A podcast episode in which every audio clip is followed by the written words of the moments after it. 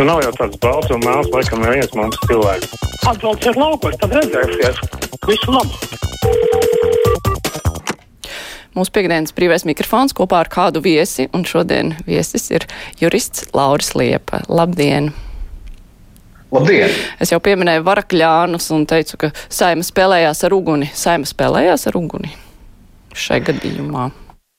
Mm, pat vēl ļaunāk.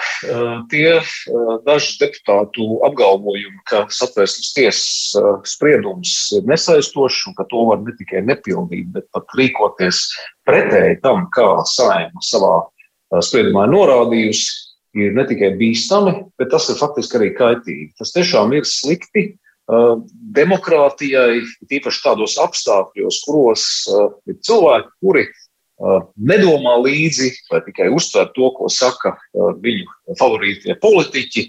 Un kritiski to nenovērtē. Es teiktu, tā ir ārkārtīgi sāpīga un ārkārtīgi bīstama tendence. Tāpēc ir ļoti labi, ka valsts prezidents, nu, kā jau kvalificēts jurists, ne tikai kā demokrātisks valsts vadītājs, bet arī kā jurists, ir ļoti pareizi un asi tūlītēji reaģējis.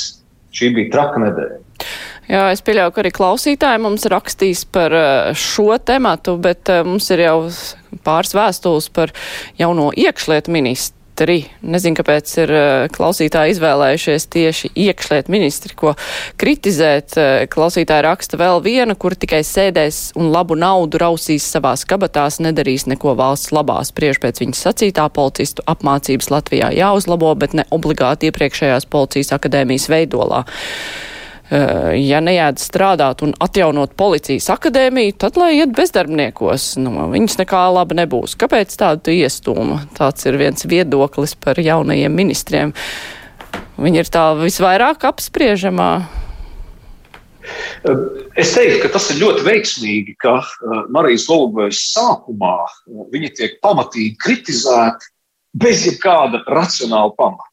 Jo tas nozīmē, ka ja, viņ, ja ar viņu netiek saistīts tādas lielas cerības, ja, tad viss, ko Marija Golda ir izdarījis, faktiski būs labāk nekā pašlaik publiskā telpā eh, viņiem pierakst klāt. Es domāju, ka nav nekāda noslēpuma, ka iemesli, kāpēc eh, Marija Golda ir kļuvusi par kritikas eh, krustuguņu upuri, ir vairāk. Pirmkārt, sieviete iekšlietu ministra, ir ļoti daudz teikt, patriarchāli noskaņotu teikt, cilvēku, kuri saka, kas tad vispār sievietei no iekšlietām, ko viņi saprot no tās policijas.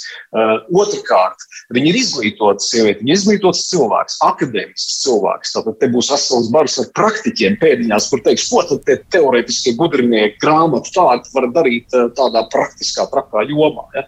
Treškārt, tas, ka viņa ir vizuāli pierūcīga un trausla sieviete, viss teiks uzreiz, nu, policisti pulkā tāds neiedarās. Un ceturtkārt, un neliekuļosim, viens no galvenajiem iemesliem ir, diemžēl, homofobija, kuras ietvaros Marija Goldberga, kur ir atklāti pateikusi, ka viņai ir vienzimuma partnere, tiek, tiek viņai uzbrūk lielā mērā tādēļ, ka viņi ir atklāti vienzimuma partneri savās attiecībās. Ja? Tātad faktiski tas uzbrukums ir saistīts ar a priori nepatiku pret uh, šo sabiedrības grupu.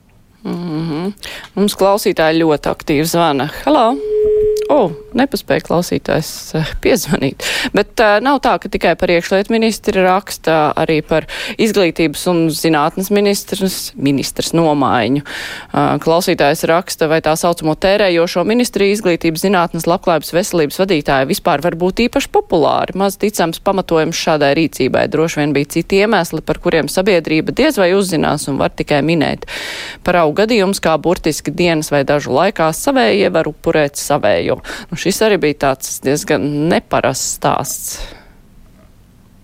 Jā, nu, jāsaka tā, ka izglītības ministre uh, nebija vieglā pozīcijā, jo mēs ļoti labi zinām, ka, ka visās izglītības sfērās jau tāpat pastāvēja problēmas. Gan augstskolās, gan arī uh, vidusskolās attiecībā, piemēram, uz sociālo noslēņošanos un obligāto vidējo izglītību un tās realizāciju Latvijā. Par to nav nekādu šaubu. Un, ja vēl klāt nāk pandēmijas problēma, tad tas bija ārkārtīgi sarežģīts uzdevums. Ļoti grūts uzdevums, kas bija jāveic ministrei. Nu, arī, diemžēl, viņas gadījumā es neesmu, protams, objektīvs un neitrāls, jo kā Latvijas universitātes pasniedzējs, es redzēju, ka tie soļi, kas tiek spērti, lai realizētu augstskolu reformu, nebija tādi pārdomātākie. Tie nebija tie soļi, ko tiešām vajadzēja darīt. Tas, tā bija tāda atklāta konfrontācija Latvijas universitātes rektoru, kur beidzās ministrē un ministrijai nelabvēlīgi. Tie bija uh, vairāk, ne pārāk pārdomāti paziņojumi, un tā rezultātā nu, var saprast arī partiju, var, var saprast partijas vadību, kur nolēma viņu mainīt. Bet šī uh, noteikti nav viegla pozīcija. Tas nu ir pilnīgi skaidrs, īpaši pandēmijas ietvaros. Mm -hmm. Pacaušu klausulu. Halo! Labdien! Labdien! Es sakarā ar potēšanos, jā. Da, vakar veselības ministrs teica, neviens nenomirs pēc potēšanas un tam līdzīgi, jā. Bet vai nebija iespējams valstī izdarīt, ja tiešām sapote, kad arī to cilvēkam iedot to zārku naudu, kā saka, un uh, abedīt. Neviens neprast pat vīnglāzi, bet lai neiznāk, ka tiem uh, nu, piederīgiem tad uz kakli. Man personīgi ir alerģija. Uh, Pārpa divu pusi tūkstoši, pieļaujamais ir 95. Man tā ir ļoti liela laime spēle, ja man būtu jāpoties. Jo viņi vienmēr prasa, cik es aprunājies, kas ir potējis, es uzreiz prasu, vai ir alerģijas. Paldies jums! Jā, nu, visiem cilvēkiem jau droši vien arī nevajag potēties. Ir tādi, kur patiešām nevar. Un šīs lietas ir jāskaidro. Kurš var, kurš nevar. Jautājums, vai ir vieta, kur dabūt piekrītu. atbildi uz šiem jautājumiem? Absolūti piekrītu. Viena ļoti svarīga lieta ir, ka, pirmkārt, es neesmu mediķis, līdz ar to es nerunāšu kā mediķis, bet kā jurists. Un kā jurists es varētu sacīt tā, ka uh, ir vēl priekšā uh, tas uh, lēmums tiesām uh, par to, vai Covid pandēmijas ietvaros prasība potēties uh, ir tikai individuāli, vai tā ir sabiedrības interesēs izvirzāma un līdz ar to par obligātu padarāma. Latvijas nostāja, un eh, es varētu minēt arī savu personisko nostāju, ir tāda, ka uh, potēšanās nav tikai indivīda brīvas gribas, brīvas izvēles jautājums, tā ļoti vienkāršā iemesla dēļ, ka tas nav tikai stāsts par manu veselību. Ir runa par kopējo sabiedrības veselību, ir runa par to, ka cilvēks, kurš nav potējies, ne tikai vieglāk uh, uzķer, bet arī smagāk pārslimo un, ja es pareizi saprotu, arī vieglāk pārnēsā šo vīrusu. Un līdz ar to sabiedrības kopējam labumam ir nepieciešams tomēr potēšanu padarīt par tikpat obligātu, kā tas ir piemēram ar polimelītu, kā tas ir ar bakām, kā tas ir ar visu to, ko bērnībā, man ir 50 gadi, līdz ar to es savu bērnību pavadīju tādā laikā, kad nekādu diskusiju par potēm vispār nebija gadījumus, ko minēja klausītājs, ka individuālas medicīniskas indikācijas, kur ietvaros potes var nodarīt kaitējumu, protams, ir ņemams vērā un, protams, ir jāvērtē pirms eh, potēšanās veikšanas. Ja? Bet, eh, kā jūs jau sacījāt, tas ir pašā, pašā sākumā. Mums ir jālīdzsvaro eh, tā prasība pēc vispārējas potēšanās ar individuālajām specifiskajām grūtībām, kas varētu būt saistītas ar medicīniskām indikācijām. Šis galīgi nav vienkāršs jautājums, un te vēl būs ko runāt. Un galvenais ir cilvēkiem ir jāskaidro, lai viņi nejūtas uh, pamesti, nobijušies, un uh, lai viņi jūt, ka ar viņiem runā un ka viņa intereses tiek ņemts vērā, nu kā šajā gadījumā, kad kungs zvanīja. Bet uh, cits klausītājs raksta par izdienas pensijām. Valsts kontrole teikusi par izdienas pensijām, ka tās ir milzīgs sloks sabiedrībai, turklāt visiem nāksies maksāt izdienas pensijas. Turklāt visiem, ne, tur mazliet kaut kāda kļūda, bet, nu, pēc klausītāja domām tā sākotnējā ideja tad neatbilst, piemēram, piemēram, prokuroriem un tiesnešiem. Viņiem nav fizisku ierobežojumu strādāt profesijā visu darbu mūžu. Turklāt kā tas ir iespējams, ka tiesneši nosacīt mums māca dzīvot ar saviem tiesas spriedumiem, bet paši nesaprata, ka saņemt izdienas pensiju ir nepareizi. Manuprāt, ar šo tieslietu sistēmu parādījusi, cik taisnīga tā ir malači tiesneši. Tā mums raksta klausītājs. Jā, nu, izdienas pensiju jautājums nav viennozīmīgs. Mēs eh, ļoti labi redzam, un valsts kontrole to ir arī akcentējusi, ka veidojās tāda ļoti nopietna kategorija. Ja, pie tam daudziem no izdienas pensiju saņēmējiem tiesības uz pensiju diezgan agrīnā vecumā. Tātad gan iekšlietu ministrijas, nu, tātad visos tajos dienestos, kuros cilvēki ir paaugstināti stresa slodzes riska apstākļos, nopelnījuši, ka viņiem ir iespēja un tiesības doties pātrināt ātrākā vecumā pensijā. Tātad tās ir tiesības, un ar to ir jārēķinās, ka šīs ir, var teikt, ilgtermiņā saglabājums tiesības, jo citādāk daudz cilvēku varētu arī negribēt strādāt dienestos, kas mums ir vitāli svarīgi. No otras puses ir pilnīgi taisnība, eh, ka tam ir jābūt samērīgam. Tātad gan attiecībā uz apjomu, gan arī attiecībā uz, eh, uz to, nu, var teikt, pensiju sistēmas slogu. Mm, klausītājs mums citīgi zvana. Halo! Labdien! Labdien! Es domāju, ka visiem juristiem būtu bijis jāizstudē arī Latvijas PSC krimināla kodeks. Un tur bija tāds pāns bandītisms. Ko tas daudzēja? Ik viens grupējuma dalībnieks nekas atbildīja par visu bandu, pat ja tas personīgi nebija pasādājis noziegumu. Tātad Golbai var uzskaut arī par Viņķeli, Paulutu, Pabriku un visu pārējo bandu. Kāpēc mums vajadzētu nu, piemērot? Nav, jā, Latvijā nav kolektīvas tādas eh, atbildības, grupēju atbildības un apzīmējums bandītisms nu galīgi šeit nederēs. ir tas, ko klausītājs vēlās, eh, ir norādīt uz politisko atbildību viena politiskā spēka eh, locekļiem, un tas ir mūsu rokās. Jau pēc dažām dienām, jau rīt, faktiski mēs varēsim pašvaldību vēlēšanās pateikt, ko mēs domājam par vienu vai citu politisko spēku. Lai gan, protams, pašvaldību vēlēšanas ir ārkārtīgi specifiskas un ar personībām saistītas katrā konkrētā novadā. Izmantojot šo iespēju, noteikti, noteikti visiem ir jāiet uz vēlēšanām, jo pretējā gadījumā nu, būs tā, kā būs. Ja, un pēc tam atkal varēsim spēlīties. Labāk aiziet un pašiem nokļūt. Mm -hmm. Klausītājs raksta, labdien, Māras kundze jau nu man vēstuli nenolasīs, bet ar cerību uzrakstīšu. Gribēju kungam atgādināt, ka katra iegūtā izglītība ir saistīta ar profesiju. Pavļuts arī ir izglītots mūziķis, bet viņš ir veselības ministrs. Nu, kas kopīgs izglītībai? Bet izglītības var būt vairākas. Tieši tā, un es arī gribētu sacīt, ka nevienmēr cilvēkam ir jāstrādā tajā izglītībā, kas ir iegūta vēl vairāk. Mūsdienu Uh, laikmeta prasības ir, ka tā sākotnējā izglītība, kas ir iegūta sen, sen atpakaļ, tātad manā gadījumā pirms gadiem 20, nav pietiekama. Mums ir jātur, jāturpina izglītošanās, un daudz man draugi, paziņas, kolēģi turpina izglītošanos citās jomās. Un es negribētu tā sasaistīt kopā un pateikt, tas, ko tu esi, kur tu esi diplomējies, nu tad tur visu mūžu arī, arī paliec strādāt. Nē, nē, nē, tas ir attīstības jautājums. Pasaule mainās, un mums ir jāizglītojas, lai mēs tiktu tā līdzi. Klausītājs zvana. Hello! Labdien! Labdien! Esat ēterā?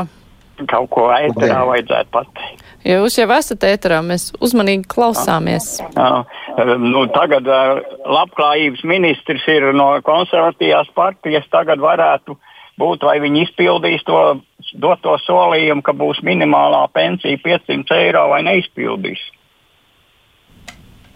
Mm -hmm.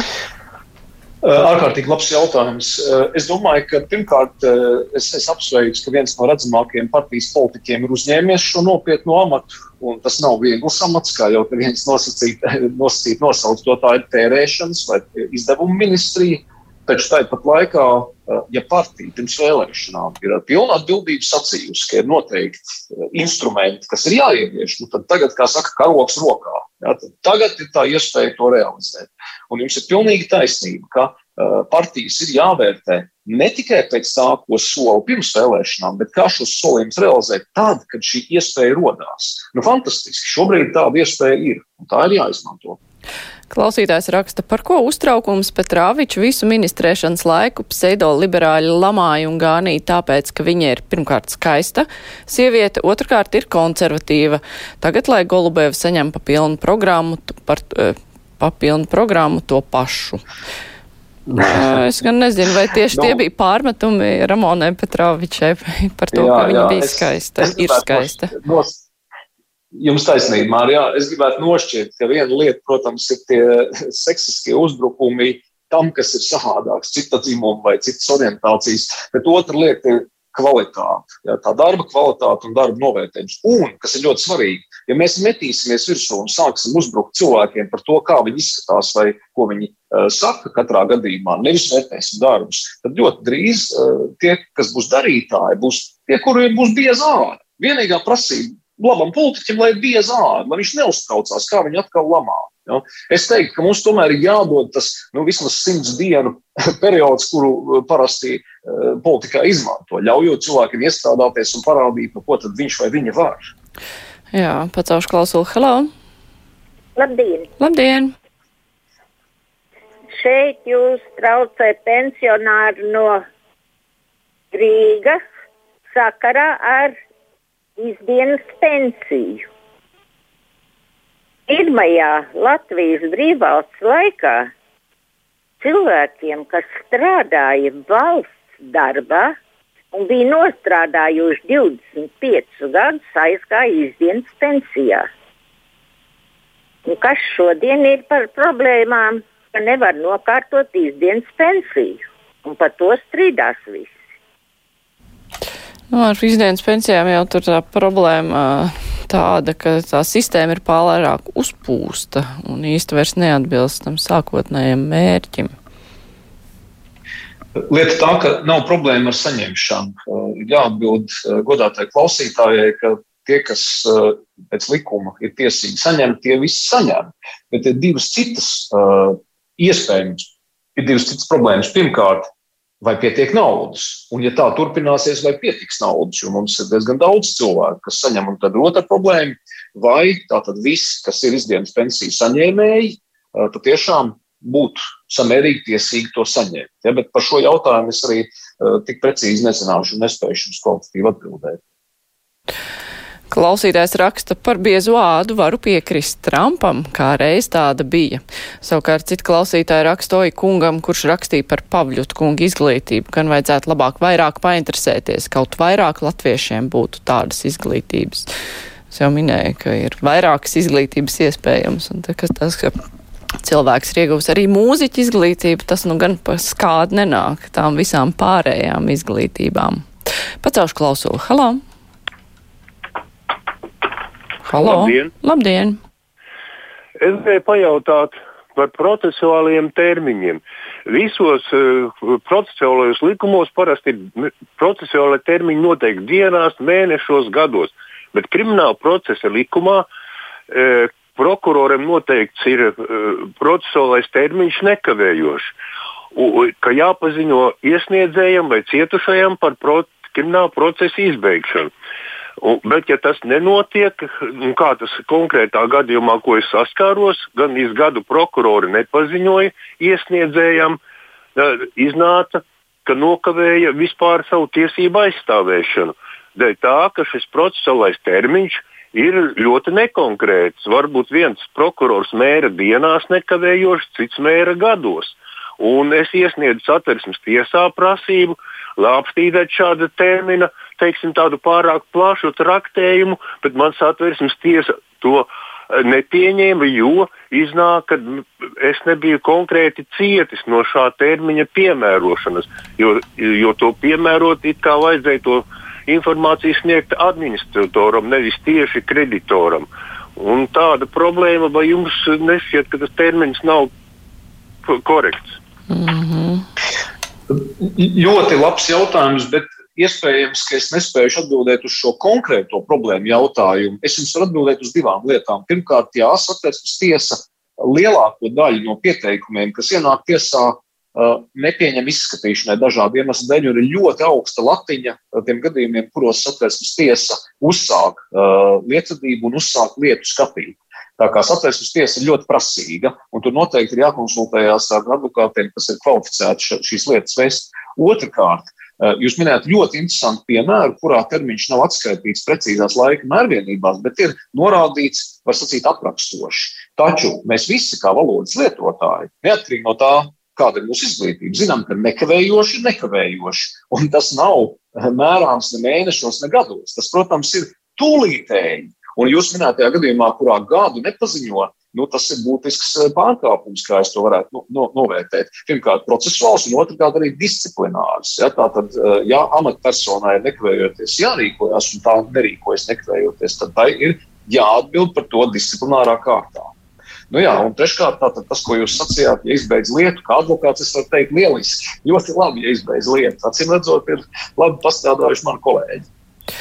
Klausītājs raksta, vai tad tam ir kāda nozīme, ka ministrs ir sieviete vai nav? Manā skatījumā ir, ka nav nozīmes. Mums tak vienu brīdi premjera krēslā arī bija sieviete par advokātiem. Es varu teikt to pašu. Man reiz personīgi bija sieviete advokāte pieredzes. Pie reizes viesim vēlos pajautāt, ja nemaldos, viņš ir arī zvērnāts advokāts, tad jautājums ir, vai cilvēkam, kurš ir ar invaliditāti, kuram pirmā grupa vai ir kāda atlaide naudas ziņā, ja jāsadarbojas ar advokātu? Jā, es, es arī gribētu par šo uzreiz atbildēt. Tātad, ja personai ir invaliditāte, tad, protams, nu, advokātiem mēs neesam tātad valsts, nedz iestāde, nedz teiksim, valsts profesija, bet katrā konkrētā gadījumā, katrā konkrētā lietā var, var pieņemt lēmumu par to, ka palīdzība var tikt sniegta ar uh, samazinātu atlīdzību vai arī bez atlīdzības. Tas ir atkarīgs no konkrētās lietas, no konkrētās prasības rakstura.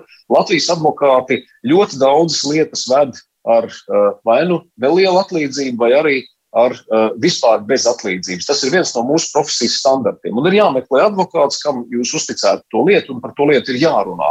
Otrakārt, jūs pacēlāt ārkārtīgi svarīgu problēmu, kas izgaismojās arī tieši šobrīd, četru jauno ministru apstiprināšanas dēļ. Proti, cilvēki sāk diskutēt par to, kāpēc tiek īpaši uzsvērts, ka, lūk, piemēram, ministre būs sieviete, nevis vīrietis. Kāpēc tiek uzsvērta ministrs seksuālā orientācija vai viņas um, vienzimumu partneru kopdzīves status ar savu partneri? Uh, lieta ir tāda, ka tas netiek uzsvērts, un nekādā gadījumā tas nav kā kritērijs šo cilvēku izvēlē. Kritērijs, kā es to redzu, šo ministru izvēlē, ir profesionalitāte un atbildība. Bet tas, ka šie cilvēki pieder noteiktai grupai, tiek minēts kā vēl viens no iemesliem, uz ko skatīties kā uz labu tendenci nu, tā, tādā pārmērīgi maskulinā sabiedrībā, pārmērīgi uh, sabiedrībā, kurā vēl aizvien ir aizspriedumi lielā mērā pret jautājumiem, kuri uh, ir bijuši padomju laikā kriminalizēti. Un joprojām mēs dzīvojam šajā aurā. Tātad tas ir ļoti labs faktors, ka mēs bez aizspriedumiem sakam, jā, labs profesionāls, un pie tam pieder arī pie noteikti sabiedrības grupas, kura kādreiz vispār pat nevarēja sapņot pieņemt šādus amatus. Mēs liekam nepareizos akcentus šajā diskusijā. Pacaušu klausulu. Halo! Labdien! Labdien. Nu, gribēju nosūdzēties par bērnu klīnisko universitātes slimnīcu. Man sanāca pagājušo nedēļu būt un šonadēļ būt uh, aizlodziņi, tur, kur reģistratūra skraida, nu, es nezinu, uh, tā, kas kartoteiku kārto. Veca sieviete bez maskas. Es reģistratūrā aizrādīju, ka jums darbinieks skraida bez maskas. Pēc piecām minūtēm pilnīgi nekas nebija mainījies. Jau šonadēļ pirmdienā biju ar bērnu atkal, un uh, reģistrātori sēdēja bez maskas.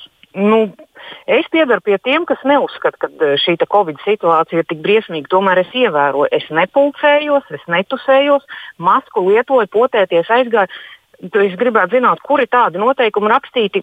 Es arī negribu lietot masku nu, kaut kā man druskuļi absurdi liekas. Jā, nu, ārstniecības iestādēs ir bieži tādi grēciņi redzēti. Liels, liels paldies! Es, es gribētu teikt, tā, ka jūs darījāt pareizi, ka jūs vērsāt uzmanību uz šo jautājumu, jo tie ir ļoti, ļoti svarīgi. Mums ir jāievēro, un kaut arī izskatās, ka tagad tas otrais vilnis krīt. Ja? Vienalga, vienalga ir jāievēro tie noteikumi, kas ir īpaši tādās eh, jutīgās vietās, kā ārstniecības iestādes. Es varu izdarīt tikai savu eh, atsevišķu pieņēmumu vai komentāru. Pirmkārt, es gribu pateikt, ka man ir ar bērnu klīnisko universitātes slimnīcu tikai un vienīgi laba pieredze bijusi. Man ir uh, trīs bērni, es diezgan, ir gadījies diezgan bieži tur būt, un man ir fantastiskākā pieredze. Es, es varu tikai slavēt gan mediķus, gan uh, vadītājus un administratorus. Man liekas, ka šī ir viena no izcilākajām uh, Latvijas medicīnas iestādēm. Uh, Es tikai varu pieņemt, ka konkrētais cilvēks, kas strādā reģistratūrā, ir jau vakcinēts un tātad savā ziņā ir maķenīt drošāks. Bet, ja noteikumi ir maska, nu tad maska ir jāievēro. Vismaz kamēr mums nestāsies spēkā šie QR koda prasību jautājumi, kuros tu kā vakcinēts cilvēks jau vari teikt, es jau tagad varu maķinīt brīvāk dzīvot. Ja? Tā kā es domāju, jūs rīkojaties pareizi, ka jūs vērsāt uzmanību uz šo noteikumu ievērošanu. Pacaušu klausulu. Halo! Uh, labdien, Mēras kundze! Labdien! Uh, es bišķi gribētu pasūdzēties. Mums Dobeles novadā neviena bukleta nav pavēlēšanām, kaut vai septiņas partijas. Un vēl viens jautājums būs. Baznīcā ir desmit baušļi, bet vēl divi ir klāt. 11. ja tev nebūs solīt, un 12. ir tukša muca tālu skan. Paldies! Bet es brīnos par tiem bukletiem, kur tik skopas partijas jūrmalā bija piemestas vienkārši kalniem un kā izmet miskastē tā jaunus piegādāja. Māra, jums taisnība. Es arī tikko jaunu kālu papīriem savā pastkastē dabūju. Nu, būs kamīni iekuram, jo tas lēmums par izvēli sen jau izdarīts godātie deputāti kandidāti. Mēs šos labi zinām un pazīstam. Nu, nedrukājiet to papīru. Ja?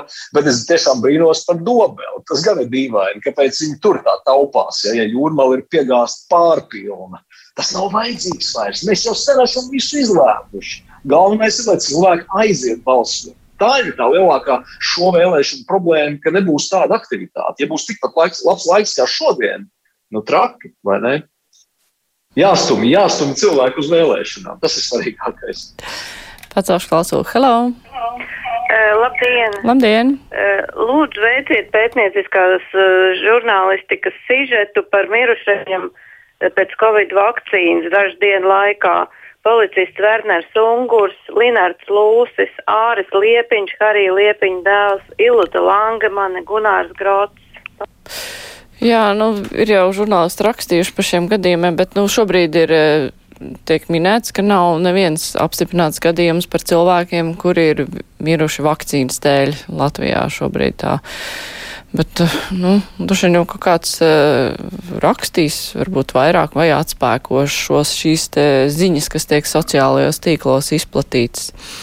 Bet uh, klausītājs uh, vaicā, vai ārlietu ministrs bija tiesīgs nomainīt citas valsts karogu ar citu pēc savas patikas, vai viņam nevajadzētu demisionēt. Viņš jau nemainīja valsts karogu. Tur tikai Rīgā tika nomainīts publiskā vietā karoks. Ne jau pie vēstniecības nomainīja. Jā, juridiski vērtējot, divi uh, politiķi, Latvijas politiķi, ir ļoti skaidri un demonstratīvi norādījuši savu attieksmi pret mūsu kaimiņu valsts autoritāro iekārtu un vardarbīgo attieksmi pret savas valsts pilsoņiem. It īpaši pret starptautiskam terorismam pielīdzināmu darbību, kurā tiek piespiedu kārtā nosēdināt šīs valsts teritorijā. Citai valstī, cita, citai uzņēmumam, komerc uzņēmumam piedaroša lidmašīna, kura lido pavisam ar, nes, ar šo valstu nesaistītā reisā. Tātad tas ir, kā jau to mani kolēģi starptautisko tiesību speciālisti norādījuši, tas ir tiesību pārkāpums.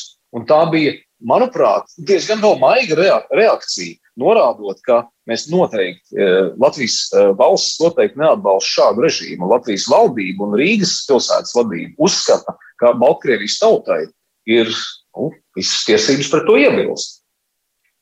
Un šajā gadījumā karoks netika nomainīts ne pie vēstniecības, nekādā citā oficiālā vietā, bet uh, Tas bija pilsētu vidē hokeja čempionātam par godu, arī tika izpildīts eh, prasība hokeja čempionāta karogus noņemt, kuri, acīm redzot, negribēja atrasties blakus šīm te vēsturiskajiem Baltkrievijas karogam.